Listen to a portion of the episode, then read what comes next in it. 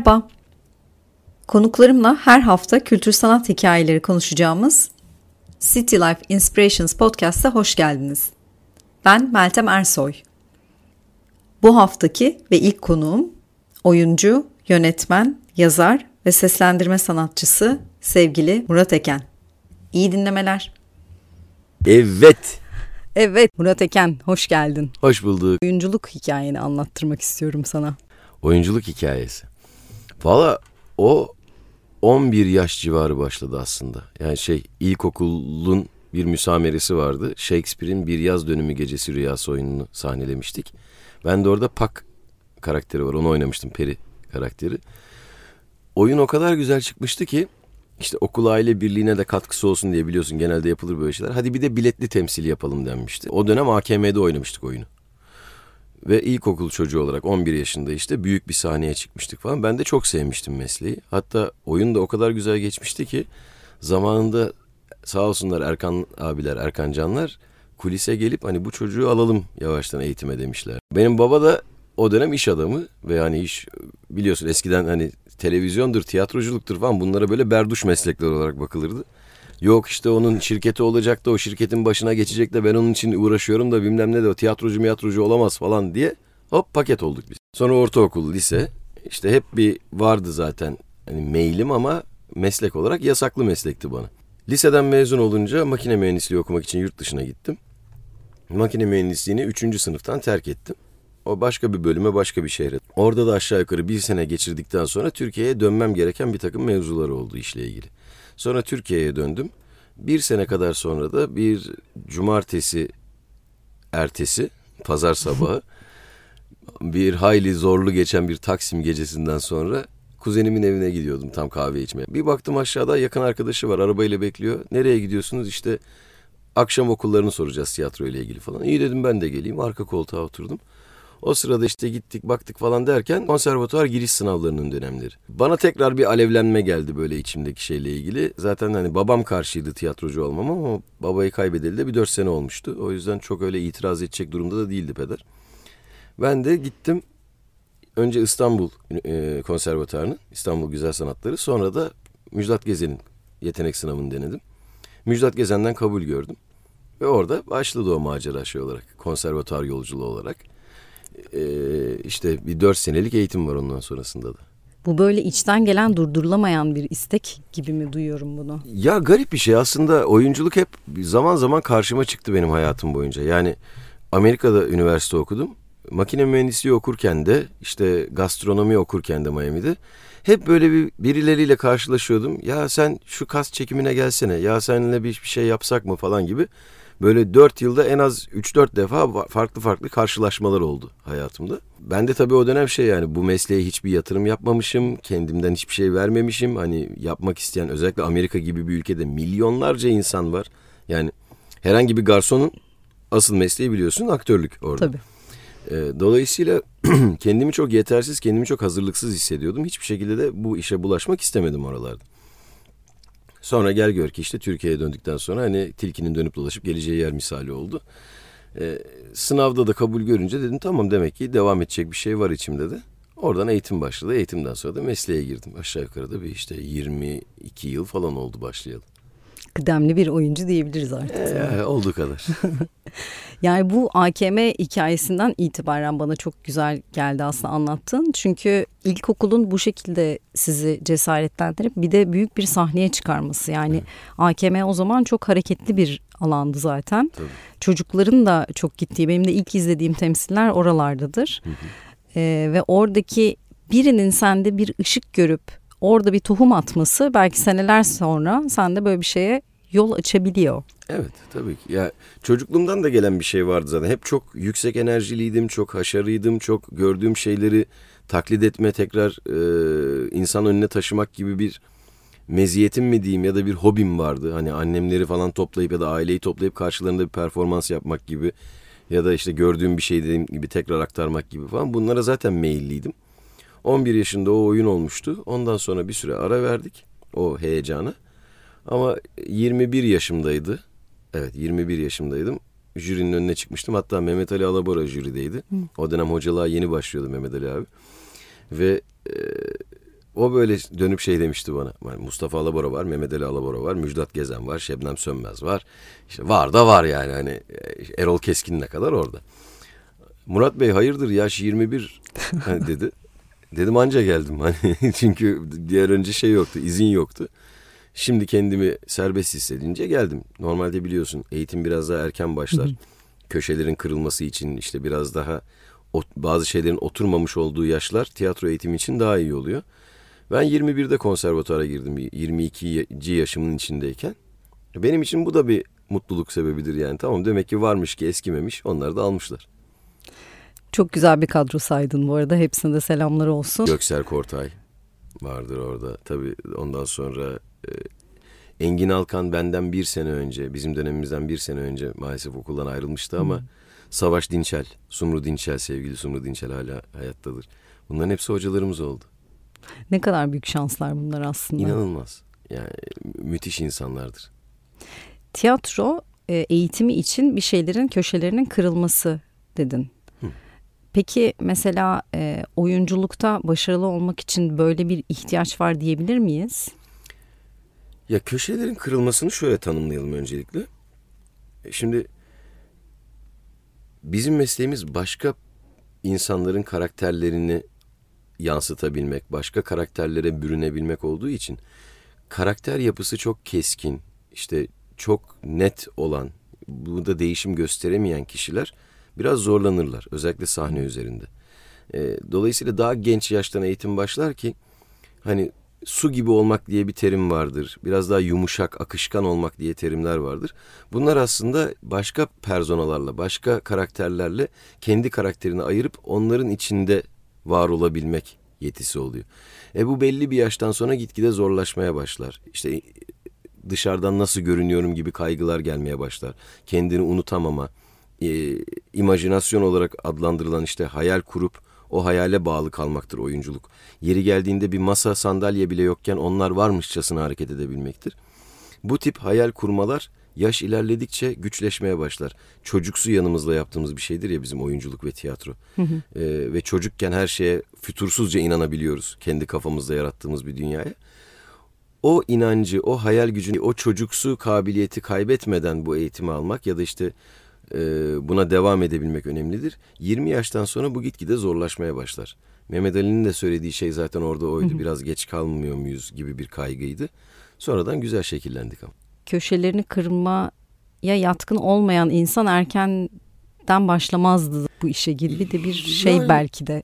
Çok yargısal cümleler kurmaktan kaçınırım. Özellikle evet. şey konusunda işte okullu mu alaylı mı diye hep bir tartışma vardır.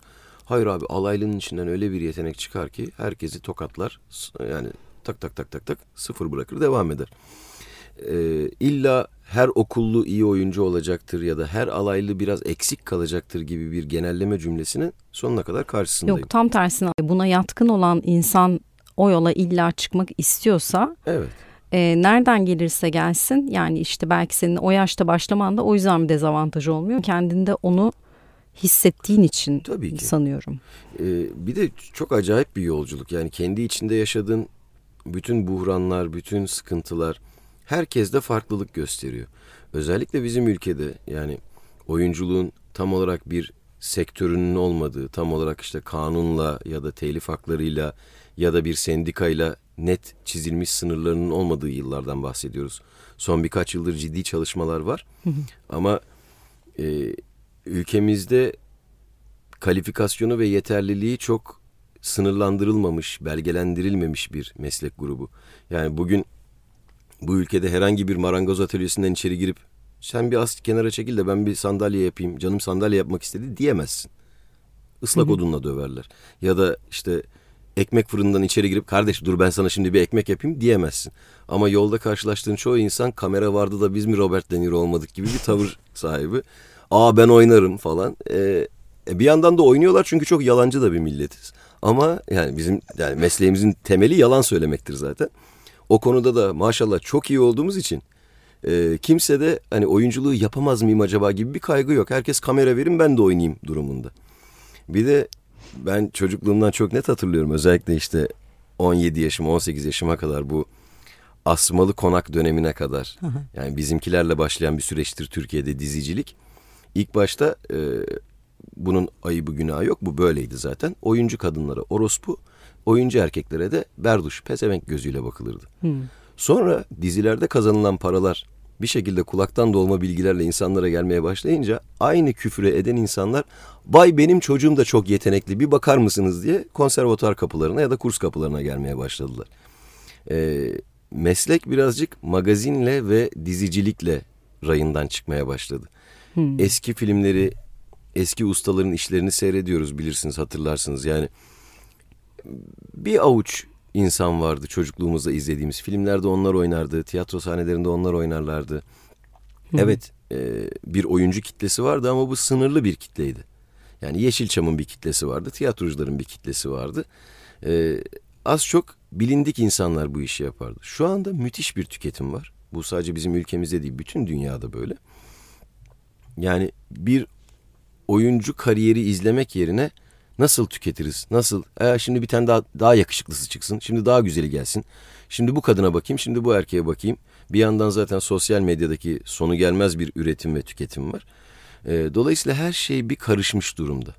Zaten e, oyuncu kariyeri izlemek bizim kültürümüzde çok olan bir şey değil. Hani yurt dışında daha ziyade işte Sir Anthony Hopkins mesela gençliğinden bu yaşına kadar gelen kronolojik kariyer gelişimini izleyebilirsin. Brad Pitt keza öyledir. Çoğu aktör böyledir. Robert De Niro böyledir. Al Pacino böyledir. Ee, adamların akademi kurallarına göre farklı janralarda ürünler vermeleri gerekir. Ama Türkiye'de bu durum biraz farklıdır. Kabadayı rolüyle mi tanındın ve başarılı oldun? Hep kabadayı rolleri gelir. Komediyle mi başarılı oldun? Hep zirzop komediler gelmeye başlar. Hiçbir şekilde bir çeşitlilik, geniş bir yelpaze ya da kendini geliştirmene müsaade eden bir alandan ziyade Yok kardeş sana bunu veriyoruz sen bununla mutlu ol. Olmuyorsan da ama zaten burada kapıda 15 kişilik sıra var gibi bir durum var. Bu daha televizyon üzerinden mi peki böyle? Televizyon üzerinden böyle fakat tiyatroya da sirayet etti. Hmm. Çünkü e, son birkaç yıldır özellikle daha uyanık davranan yapım tarafları popüler oyuncular üzerine gitmeye başladı. Televizyonda o sırada bir zirve yakalamış ya da insanların beğenisini popüler anlamda kazanmış kişiler üzerine yoğunlaşan bir tiyatro casting seçmesi olmaya başladı. E, bu da tabii yapımcıların kolayına geliyor. Çünkü televizyondan çok tanınan ya da magazinel bir ismi afişe koyduğun zaman biliyorsun ki hani Kayseri'de de bilet satacaksın, Ardahan'da da bilet satacaksın, e, Bodrum'da da bilet satacaksın. Artık tiyatro ile televizyon bu anlamda biraz iç içe geçmeye başladı.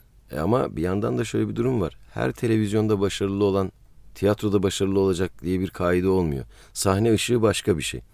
Aynı şekilde yıllardır şu da vardır bilirsin. Tiyatroda çok başarılı olan adamlar da illa kamera karşısında çok keyifli performanslar sergileyemeyebiliyorlardı. Özellikle eskiden oyunculuk daha büyük hareketlerle hani beşinci sıradan sonrası da bizi çok iyi anlamalı gibi yüksek volümlerle ve büyük vücutsal hareketlerle yapıldığı yıllarda tiyatrocuların kamera önüne geçmesi çok daha zordu. Şimdi daha minimalist, daha sade oyunculuklar tercih edildiği için günümüz itibariyle bu biraz daha bir iç içe geçmeye başladı. Artık Berkun Oya'nın Crack tiyatrosu Hı. mesela. Artık dördüncü duvarı iki e, seyirciyle performans arasına koyarak ve kulaklıkla aslında oyuncunun yükseldiği bir yerde kalp atışını bile duyabileceğin bir teknolojiyle natürel, daha minimalist oyunculuklar hayatımıza girmeye başlamıştı birkaç yıl öncesi itibariyle. Şu anda da Türkiye'de aynen doğallık peşinde koşulan bir durum söz konusu. Oyunculuğu çoğu zaman replik ezberlemek gibi algılıyoruz. Özellikle dizilerde maalesef çok yaşıyorum.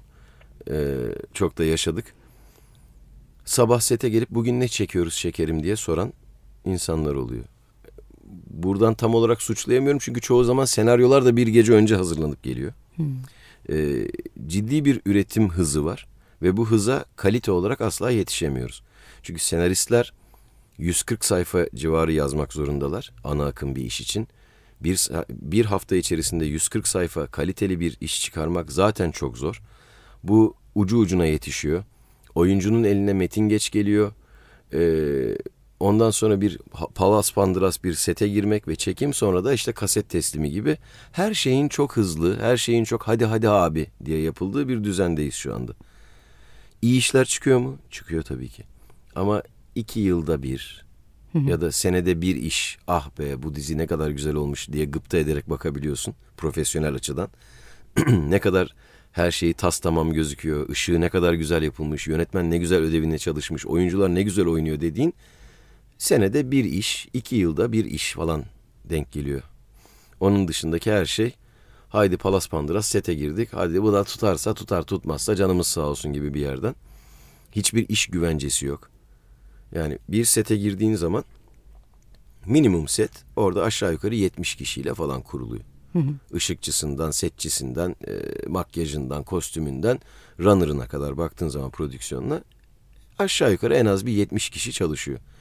Çekirdek aile diye hesaplasan işte hanım, çocuk desen 3 kişilik bir aileden 200-210 kişi demek ya bu kabaca bir hesapla.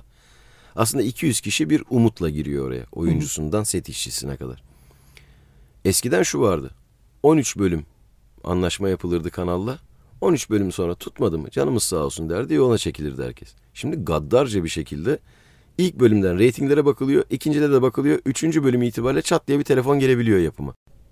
Dolayısıyla bu nasıl sonuç veriyor? İşte kimse artık tam olarak bir şeye hazırlanıp girdik, işte bir yola başladık diye bakamıyor. Bir anda birinci bölüm reytinglere bakıyorsun, düşük mü geldi? İki, üç, gününü değiştirir, saatini değiştirir kanal. Ondan sonra bir telefon gelir, aa dizi kalktı. Dördüncü bölüm. Ee, daha çoğu kimse ödemesini almamışken. Bir de hmm. Türkiye'de o vardır biliyorsun. Ödemeler de 90 gün vadeyle yapılır falan. Ee, dolayısıyla çok hızlı gelişen ama kervan yolda düzülür gibi her zamanki mantığımıza devam ettiğimiz bir yerden yapıyoruz sektör. Evet çok gelişti. Gerçekten son 15-20 yılda inanılmaz e, dizi sektörü de çekim sektörü de gelişti. Fakat hep işte o kumaşımızdan gelen millet olarak bir kervan yolda düzülür. Abi hallederiz bakış açısı. E, bu kaliteli işler yapmamızı engelliyor. Bir de şimdi şöyle bir durum da oluştu. Ben yine sektörün kötü çocuğu olarak başıma ne gelirse dilimden geliyor. Dizi yapımcıları senin sahibin olmak isterler. Haftanın altı günü, yedi günü icap ettiğinde sete çağrılabilir. Hazır kıta asker gibi beklemen icap eder. Özellikle son bir senedir de şu başladı. Tiyatro oyunu olan oyuncular artık tercih edilmiyorlar dizilerde. Her an çağıramaz diye mi? Her an çağıramaz diye. Turnede olabilirsin, o olabilir, bir gün aksayabilir. Zaten biliyorsun hani Bizde reytingler düşmeye başladı mı ya mahalle çatışması yazılır ya düğün yazılır ya sünnet yazılır dizilerde. Herkesin orada olması gerekir.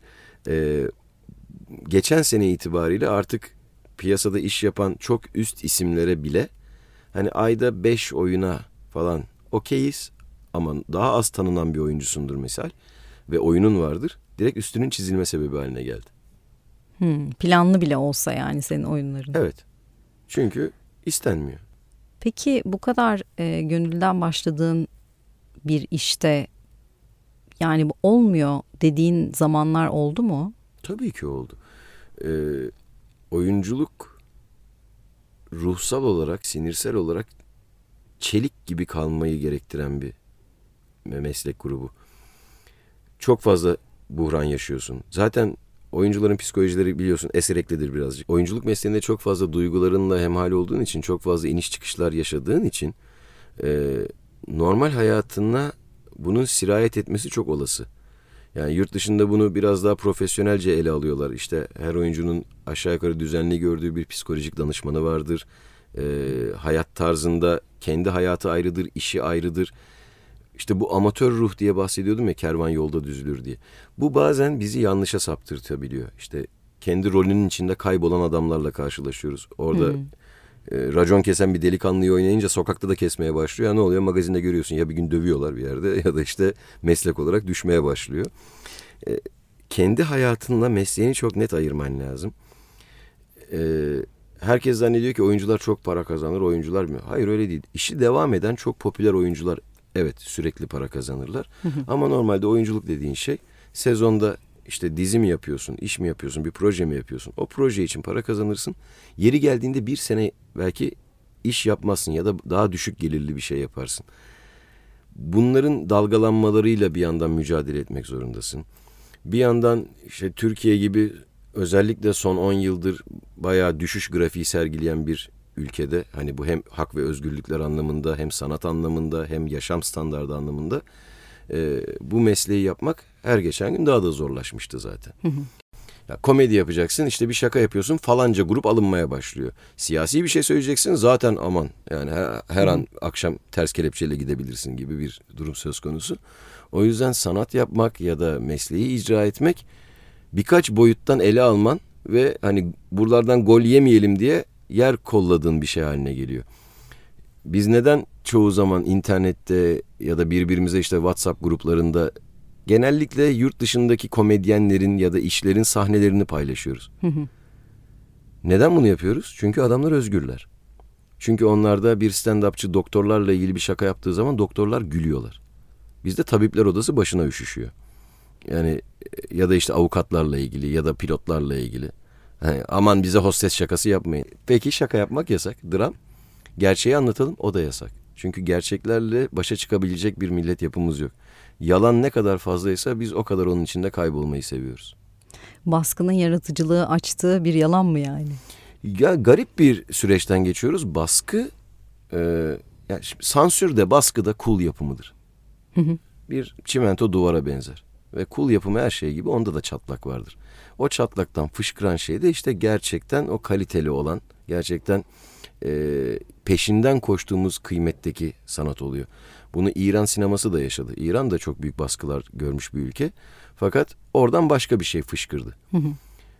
Burayı daha ne kadar basmak lazım fışkırması için onu bilmiyorum sadece. Çünkü zaten baskı haddini geçeli birkaç sene oldu aslında. Ama işte günün sonunda demokrasi diyoruz. Bulunmuş en iyi ikinci yönetim şeklidir. Maalesef çoğunluk ne isterse o oluyor. Piyasa koşulları da sanırım bu dediğin gibi biraz önce anlattığın sebeplerle yani e, pazarın büyümesi ama işte rekabetin artması aynı anda e, koruyucu e, bir takım düzenlemelerin olmamasının hepsinin bir araya getirdiği e, bir sorunlar yumağı içindeyiz belki de. Asıl sorun yine bireyde ve insanımızda bitiyor ben. Benim naçizane görüşüm. Yani e, biraz çocuksu, naif bir toplumuz. Hmm. Coşkularımız da çocuksu oluyor. Sinirlendiğimiz zaman da çocukça tepkiler veriyoruz. Hani 1960'lardan başlayan o eğitimsizleştirme şeyinin bir sonucu olarak yaşıyoruz şu anda. Dürüstlükle ilgili ciddi bir problemimiz var. Yani bizim işimiz demin de söyledim yalan söylemektir. Bir dizi yalan bir dünya kurar. Bir tiyatro oyunu yalan bir dünya kurar. Sinema yalan bir dünya kurar. Biz onun içinde benim adım Murat ama ben Cüneyt veririm ve sen bir tiyatro oyununda seyirciden kalkıp da bir dakika ya sen Cüneyt değilsin senin adın Murat demediğin sürece o yalan devam eder. Ben de o yalanı iyi söylüyorsam ona göre alkış alırım. Kötü söylüyorsam çıkar gidersin. Fakat sanatta şu vardır. Gerçekleri anlatmak için yalan söylersin. Bizde yalanın ucu o kadar çok kaçtı ki. Yani Hı. gün içinde muhatap olduğun esnafından başlıyor veya hatta evde başlıyor. Yani kız çocuklarının anne babasına Merve'lerde kalacağım demesiyle başlıyor yalan söylemek. Ya da işte babadan korkan bir erkek çocuğunun yalan söylemesiyle başlıyor. Ve evde yalana endeksli bir eğitimden geçen müthiş bir toplum günün sonunda yalanla gerçeği ayırt edemez hale gelmeye başlıyor. Yalan eğer meslekte kalsaydı izlediğimiz şeyden daha çok keyif alırdık. Yurt dışındaki daha bilinçli toplumlar böyle yapıyor zaten. Bir masal izliyorum diyor şu anda. Bir hikaye izliyorum. O hikayeden alması gerekeni alıyor hayatına devam ediyor ve hayat içerisinde bir dürüstlük olabildiğince söz konusu. Burada sabahtan başlıyor yalan akşama kadar devam ediyor ve gerçekle yalan nerede ayrılıyor, nerede bitiyor hiçbir şekilde bilemiyoruz. Bunun ayrılmadığı sürece de ben sanatın çok ilerleyebileceğini düşünmüyorum. Peki tökezlediğin yerlerde nasıl ayağa kalktın? Kalkmış mıyım falan diye kalkmışsın ki 22 yok, yıllık bir oyunculuk kariyerin var. Yani şöyle ki e, ben mesleğe girerken ki hayalim başkaydı. Mesleğin içinde bulduğum gerçeklik biraz başka oldu. Demin de bahsettiğim gibi işte kabadayıyı iyi oynadıysan kabadayı rolleri gelir gibi. ben de izleyicinin en çok beni tanıdığı iş bir komedi işi olduğu için hayatım boyunca bana hep komedi işleri geldi. Halbuki ben mesleğe girerken benim hayalim çocukluğumdan beri örneklerini izlediğim sinema filmleri olsun, oyunlar olsun. Farklı projelerde, farklı dünyaların içinde farklı kimliklerle ve farklı yönlerimi göstererek bulunmak istiyordum. Benim hayalim buydu. Ha, hayalini karşıladı mı meslek? Hayır. Şu ana kadar karşılamadı. Burada bir hayal kırıklığım var mı? Var. Ama bir yandan da hayatın gerçeği diye bir şey var. Hangi mesleği yaparsan yap mutlu günlerin olacak, mutsuz günlerin olacak. Buradaki buhranlarla da başa çıkmanın yolu e ben meslek olarak zaten bunu tercih ettim. Her insan olabilmeye çalışıyorum. Dolayısıyla baktığımda bir zorlukla karşılaştığımda tabii ki hayat bu. Şimdi de bu şekilde geldi. Hani bu top buradan falsolu geldi. Bunu nasıl karşılarız? Bunu göğsümüze nasıl yumuşatırız? Bunu ayağımıza nasıl oturtup şut atarız? Ee, bunlarla zaten hemal olunca ister istemez psikolojiyi de toplamak zorundasın. Çünkü akan bir hayat var, bir gerçeklik var. Kendi ailen var, kendi hayatın var. Her şeyden önce kendi akılsal ve ruhsal sağlığın var. Ee, şimdi konu laf lafı açıyor tabii.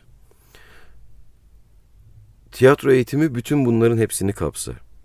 Fakat bazen işte çok duyarız. İd, ego, süper ego. İd en yalın halimizdir. Bir şeylere verdiğimiz en net, en keskin, en içimizden gelen tepkidir. Ego bizi biz yapan özelliklerdir. Fakat eğitimsiz bir insanın ego ile terbiyesizliği birbirine karıştırması an meselesidir. Ve bizde terbiyesizlik çoğu zaman ağır basar. Bu tip eğitimlerin iyi yapılması için toplumun her şeyden önce bilinçli olması lazım ve bu tip eğitimlerden geçen insanların iyi hocalar tarafından yoğrularak kendilerinin de gerçekte kim olduklarını bilincinde olması gerekiyor. Hepimizin yaşadığı bir gerçeklik var. Bir de hepimizin kendimizi görmek istediğimiz bir gerçeklik var. Yani kimisi araba hayali kurar, kimisi ev hayali kurar, kimisi bir yaşam standardı hayali kurar. Kendini gördüğün gerçeklikle hayattaki gerçekliğin arasındaki duruma ne kadar hızlı ayıkırsan o kadar sağlam bir ruh haline sahip oluyorsun. Eğer olmak istediğin gerçeklikte yaşıyorsan kafa olarak ve ger- asıl realite bunu tutmuyorsa zaten işte biraz daha hani nasıl söyleyeyim bu kelimeyi kullanmayacağım. Yeni türkünün çemberi oluyor Murat. Yardım Ha, gibi gibi gibi. Biraz öyle diyelim kap- toplayalım konuyu. Hayalin neydi? Hayalim benim karakter oyuncusu olmaktı. Hala da öyleyim bu arada. Hayalimi gerçekleştirdim. Ee, yani dizilerde daha doğrusu televizyon projelerinde özellikle çok fazla komediye eğilim sağlansa da e, onları olabildiğince kabul etmemeye gayret ederek tiyatroda istediğim kariyeri çizmeye başladım. Ee, sesli kitaplarla çok uğraşıyorum uzun zamandır. Zaten onu sevmemin sebebi de bir edebi eser seslendirmek hızlı yazılmış bir senaryoya göre çok daha fazla hoşuma gidiyor. İçinde Hı. çok daha keyifli zaman geçirebiliyorum. Çünkü bir kitabın baskıya girene kadarki olan süreci yazarının elinden geçiyor, editörünün elinden geçiyor, son ütüsünün elinden geçiyor.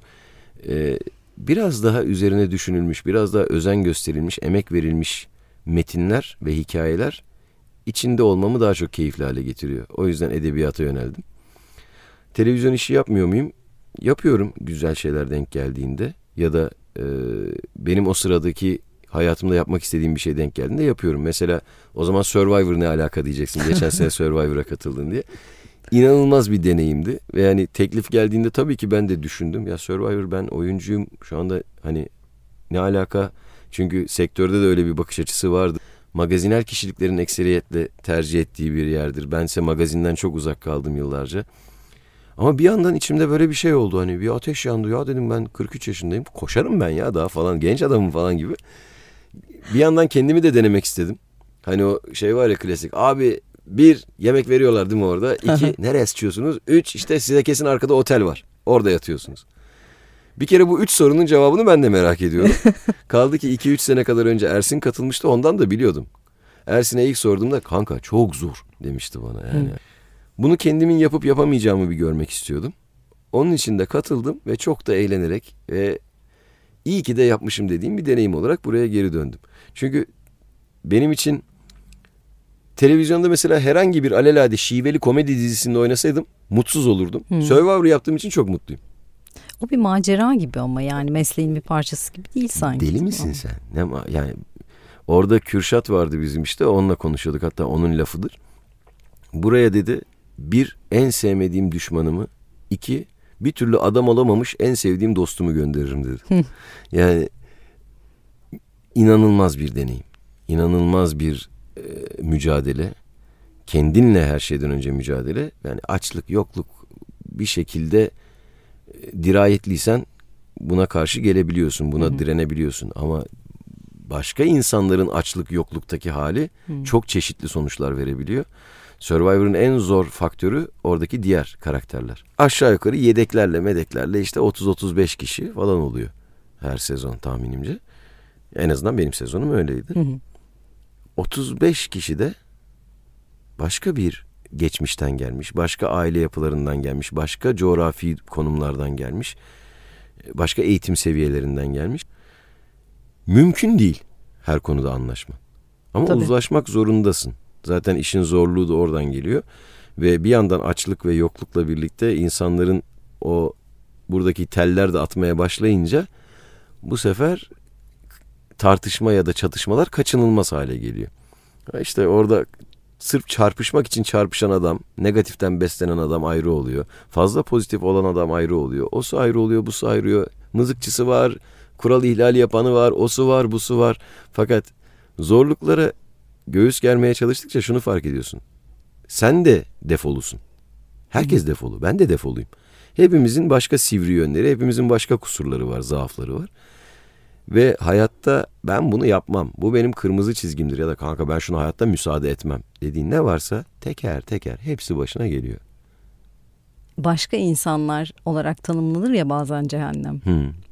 Aslında biraz öyle bir şey duyuyorum buradan. Biraz böyle e, hızlandırılmış çatışma çözümü uygulaması gibi bir şey duyuyorum.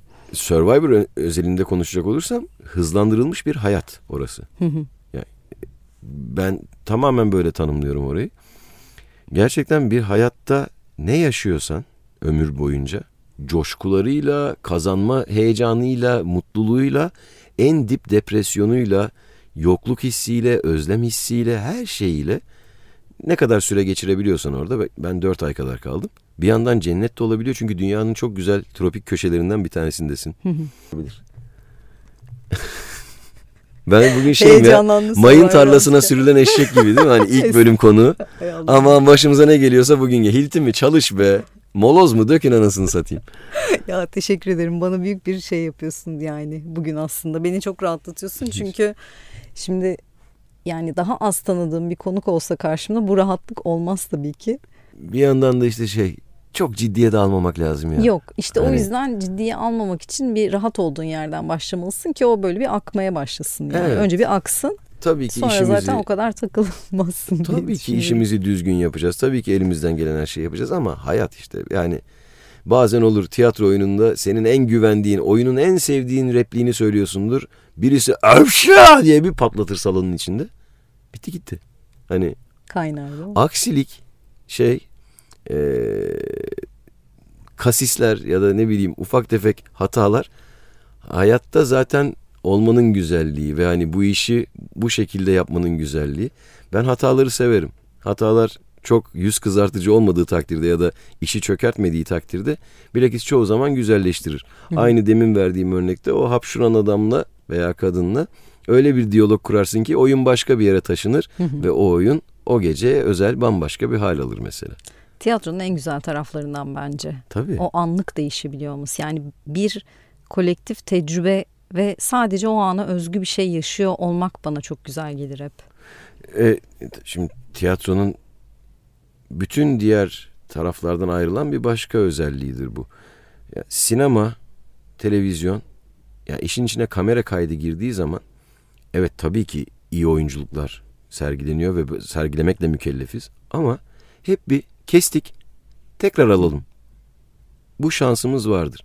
Dolayısıyla iş biraz daha zanaate doğru kaymaya başlar. Yani hmm.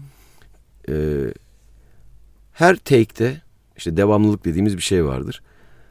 Her çekimde aynı replikler esnasında işte aynı lafı söylerken kolunu kaldırmak, aynı lafta sandalyeden kalkmak ya da aynı lafta bir e, ağzına lokma atmak bu devamlılıktır. Bu duyguyu da beraberinde getirir, oyunu da beraberinde getirir.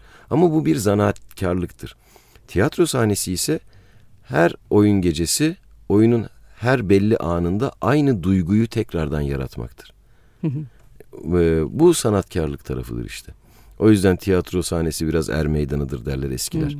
Ee, orada tek atımlı kurşun oyunun derdini anlattın, karşı tarafa geçirdin, geçirdin. Geçiremedin, geçiremedin. Bir kestik bir daha ya da fuayeye çıkıp ya ben bu oyunda aslında şöyle bir şey yapmak istemiştim de bu akşam bir aksilik oldu bir giremedim kafasına kusura bakmayın deme şansın hmm. yok. Ee, o yüzden tiyatro sahnesi biraz daha özel, biraz daha mesleğin korundan bir yerden saygı duyulan bir şeydir.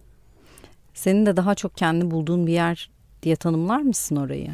Tanımlarım çünkü işte hala bugün üzerine 15 yıl geçti neredeyse sokakta 10 kişiden 8'i beni tanıyorsa bunların işte 3'ü 4'ü Murat Eken olarak tanıyorsa 4'ü de gelip aa çok güzel hareketler bunlar diyor mesela. Hmm. Ee, ben komedi bir işle ve sahne üstü unsurların kullanıldığı, tiyatral unsurların kullanıldığı bir televizyon projesiyle tanındım. E, mesleğin o kadar başlarındayken kendi adıma karşımda seyirci olan bir projede rahat hissediyordum kendimi. Yani hı hı. biz çok güzel hareketler bunlarda. İçeriye 700 kişi doluşuyordu seyirci. Ve hani bir espriyi iyi sattıysan da onun karşılığını hemen alıyordun. Kötü sattıysan da hemen alıyordun. Duygusal bir sahne oynuyorsan da hemen karşılığını alıyordun. Ee, dolayısıyla ben seyirciyle iç içe olmayı seviyorum. Hı hı. Bu beni daha rahatlatan bir şey oluyor.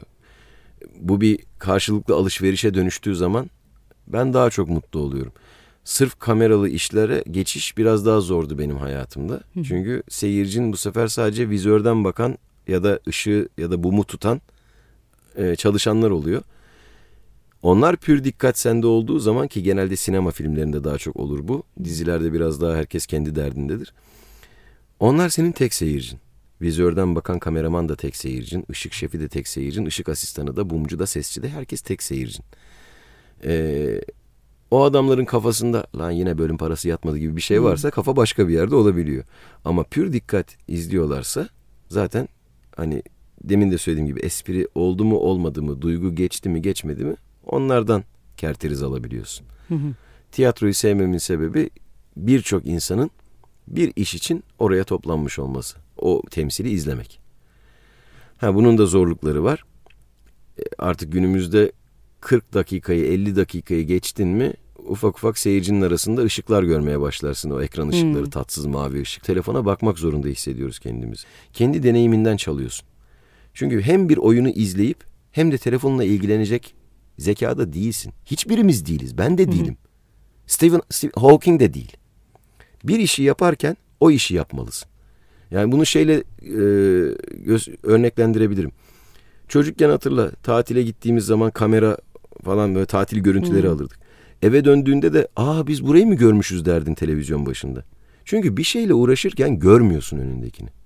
Yani tiyatroda izleyiciyle buluşana kadar fazla repliklerinden arındırılan olabildiğince e, fazlalıklarından tıraşlanıp atılan ve senin izlenmen istenen hale getirilmiş bir temsil.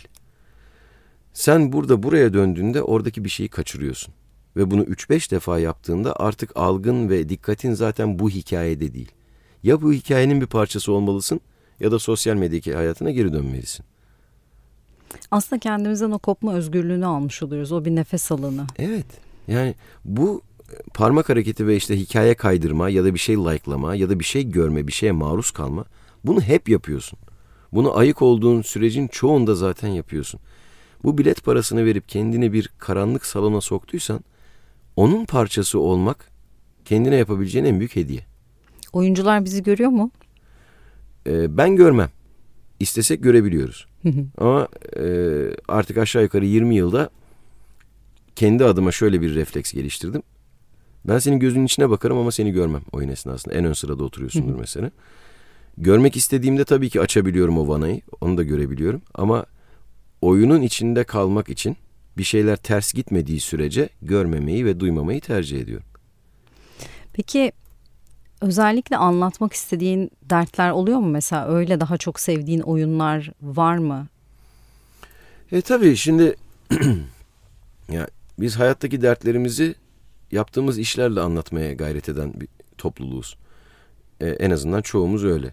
Yani tutup da tabii ki bir haksızlık, bir e, toplu halk hareketi gördüğümde ben de onun bir parçası olmaktan hiçbir zaman çekinmedim. Fakat benim meslek icabı derdimi anlatmamın yolu sahneden ve işimden geçiyor.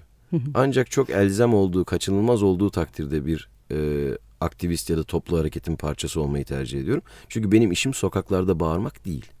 Benim işim derdimi mümkünse normal bir volümle insanlara aktarmak. Çünkü bağırmaya başladığımızda haklı haksız birbirine karışıyor ve konu dağılmaya başlıyor. Normal volümlerde konuştuğumuzda ve derdimizi iyi anlattığımızda ise karşı tarafa bunu anlatma imkanımız doğuyor. Ee, tabii ki oyunları seçerken bazen ulan bu çok eğlenceliymiş ya ben bunda çok eğlenirim burada çok güleriz diye yaptığım işler de oluyor. Bir yandan derdini sevip Aa, bunun cümlesi güzelmiş. Ben bu hikayeye inandım. Bunun da başka insanların duyması gerektiğini düşünüyorum. Görmesi gerektiğini düşünüyorum gibi işler de tercih ediyorum. Yani bu konuda devam eden bir iştahın olduğunu da duyuyorum bununla beraber. Yani tabii ki bu zaten dertsiz sanatçı olmaz. yani oyunculuk başka bir şeydir. Oyunculuk izleyicinin istediği ya da beklediği bir forma girebilmek olarak tanımlanabilir. Özellikle popüler işlerde ya da ana akım işlerde bulunmak istediğin zaman. Çünkü çok fazla meslektaşımdan yıllarcadır duyuyorum. Yıllarcadır. Bak yine başka bir kelime yarattık. bir de dün de yeni bir kelime daha yarattık evde. Zorucu. Hem zor hem yorucu olan şey zorucu demek. bir kelime iki taş. Şey iki kuş. Bak konuşamıyor iyice dağıldı. Ne diyorduk biz? Yoğun akıcı diyorduk yo, galiba. Yo, yo, Öyle bir şey zorucu. şu an. zorucu çok iyi kelime ya. Onu literatüre katacağım. Sanatçı derdi olan oyuncu. Ee, oyuncu da istenilen şekle girebilen adam oluyor. Yani birçok oyuncumuz var piyasada. Hiçbir derdi yok. Ee, birçok sanatçımız var. Çok derdi var. Ama ortalarda yok. Bense artık bu son 6 ay 1 sene itibariyle dertlerimi aldığım bir askıya astım. Ee, ve artık tamamen mesleğimle ve kendi hayatımla uğraşıyorum. Çünkü bir noktadan sonra içinde yaşadığın toplumla da artık farklılıklarını net görmeye başladığın zaman ya da belli şeylerin değişmesinin bir devrim değil evrim olduğuna inanıyorum ve hani bu tip evrimler ancak ve ancak herkes mutluysa ve istiyorsa ve dans ediyorsa müthiş bir çoğunluk bunu istiyorsa gerçekleşiyor. Ee, şu anda ülke olarak çok aydınlık dönemlerden geçmediğimizi düşünüyorum. Ee, insanlık olarak ve hak hukuk olarak, yaşayış tarzı olarak günümüze biraz ayak uyduramadığımızı, biraz gerilerde kaldığımızı ve maalesef toplumun hatrı sayılır değil ama yeteri kadar bir çoğunluğunun da bu gerilemeyi istediğini görüyorum üzücü bir şekilde. Bunun bir parçası hiçbir zaman olmadım. Buna karşı mücadele ettim. Ama artık birazcık da şey noktasındayım. Yani okey madem böyle yaşamak istiyorsunuz. Benim ne demek istediğimi 20-30 yıl sonra anlayacaksınız. Canınız sağ olsun. Peki böyle düştüğün zaman nasıl ayağa kalktığınla ilgili bir takım zorunluluklardan dolayı. Zorunluluk dedim. değil, hayat devam ediyor kuzum. Tabii. Yani o zaman kendimizi kapatalım. Aynen öyle. Yani. O seni zaten bir şekilde ayağa kaldırıyor. Peki seni oradan daha yükseğe götüren şey ne oluyor desem? Çünkü böyle hani e, dış faktörlere baktığımızda çok moralimiz bozuluyor, işte içe kapanabiliyoruz vesaire ki bunlar da belki kendimizi korumak için gerekli şeyler. Hmm. Ama sana böyle daha e, heyecanlı gelen, daha işte e, bunu yapmak istiyorum yani tekrar harekete geçiren şeyleri nerede buluyorsun mesela? Yani kendimde ve evde buluyorum açıkçası. Ben kendi açıma, açımdan konuşabilirim ancak. Tabii ki. İşte hayatımda olan bir ailem var. bir e, evde yaşadığım bir özel hayatım var, sevgilim var, köpeklerim var, kedilerim var. E, bunların hepsi birleştiği zaman bana ileriye gitme ve daha yukarıya taşıma gücü veriyor diyeyim ya da şevki veriyor. Çünkü aksi takdirde dediğim yalnız başına bir köşede çürümeye başla ya da hani ben bırakıyorum devam etmiyorum de. Fakat beni en çok ileriye taşıyan şey hayatımda daha önce bıraktığım şeylerin pişmanlığının sızısı. Hmm. Bir daha o sızıyı yaşamak istememek durumu beni ileriye taşır. Çünkü bir insan için ya da en azından benim için yaşadığım en büyük üzüntülerden bazıları bir şeyin ucunu erken bırakmışlık hmm. psikolojisinden oldu. Yani işte o İngilizce'de buna işte hani quitter'lar diyorlar yani hmm. bir şeyi pes et pes etmek. ee, pes etmeyip elinden gelenin her şeyi yaptığını bilincinde olmak bir iş başarılı olur olmaz. Çok alkış alır almaz. Bir şey olur olmaz. Popülariten artar artmaz. Bunlar hiç önemli değil. Ee, bir işle ilgili ben abi elimden geleni yaptım. Olabildiğince de buna kafada yordum, mesai de verdim. Benden çıkan budur dediğim ruh haline ulaşana kadar ona devam etmek.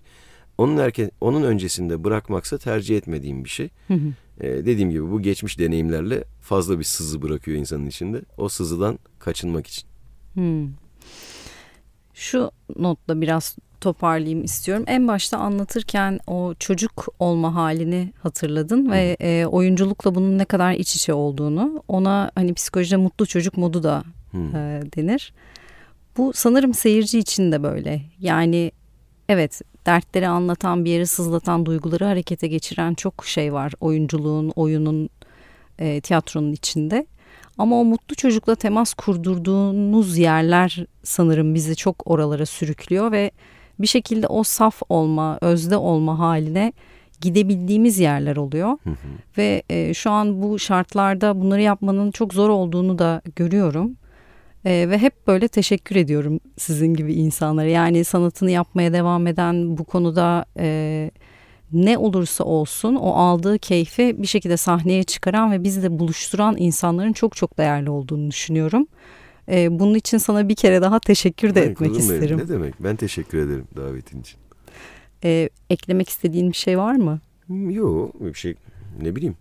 Öyle sorunca da çok geniş oluyor değil mi? Bir de çok güzel kitap okuyorsun. Devletimiz, milletimiz e, her şey çok şahane. Gerçekten bekamız çok iyi. E, Cumhuriyet, demokrasi evet. E, birlik ve beraberliğe çok ihtiyacımız var. Bu bu bu karanlık biliyorsun. günlerde evet hep beraber. Te, yani sağ ol teşekkür ederim kitap okumamı da beğendiğiniz için. Beğeniyorum valla. Ağzına sağlık. Sağ ol. İyi ki varsın. Teşekkür ederim sen de.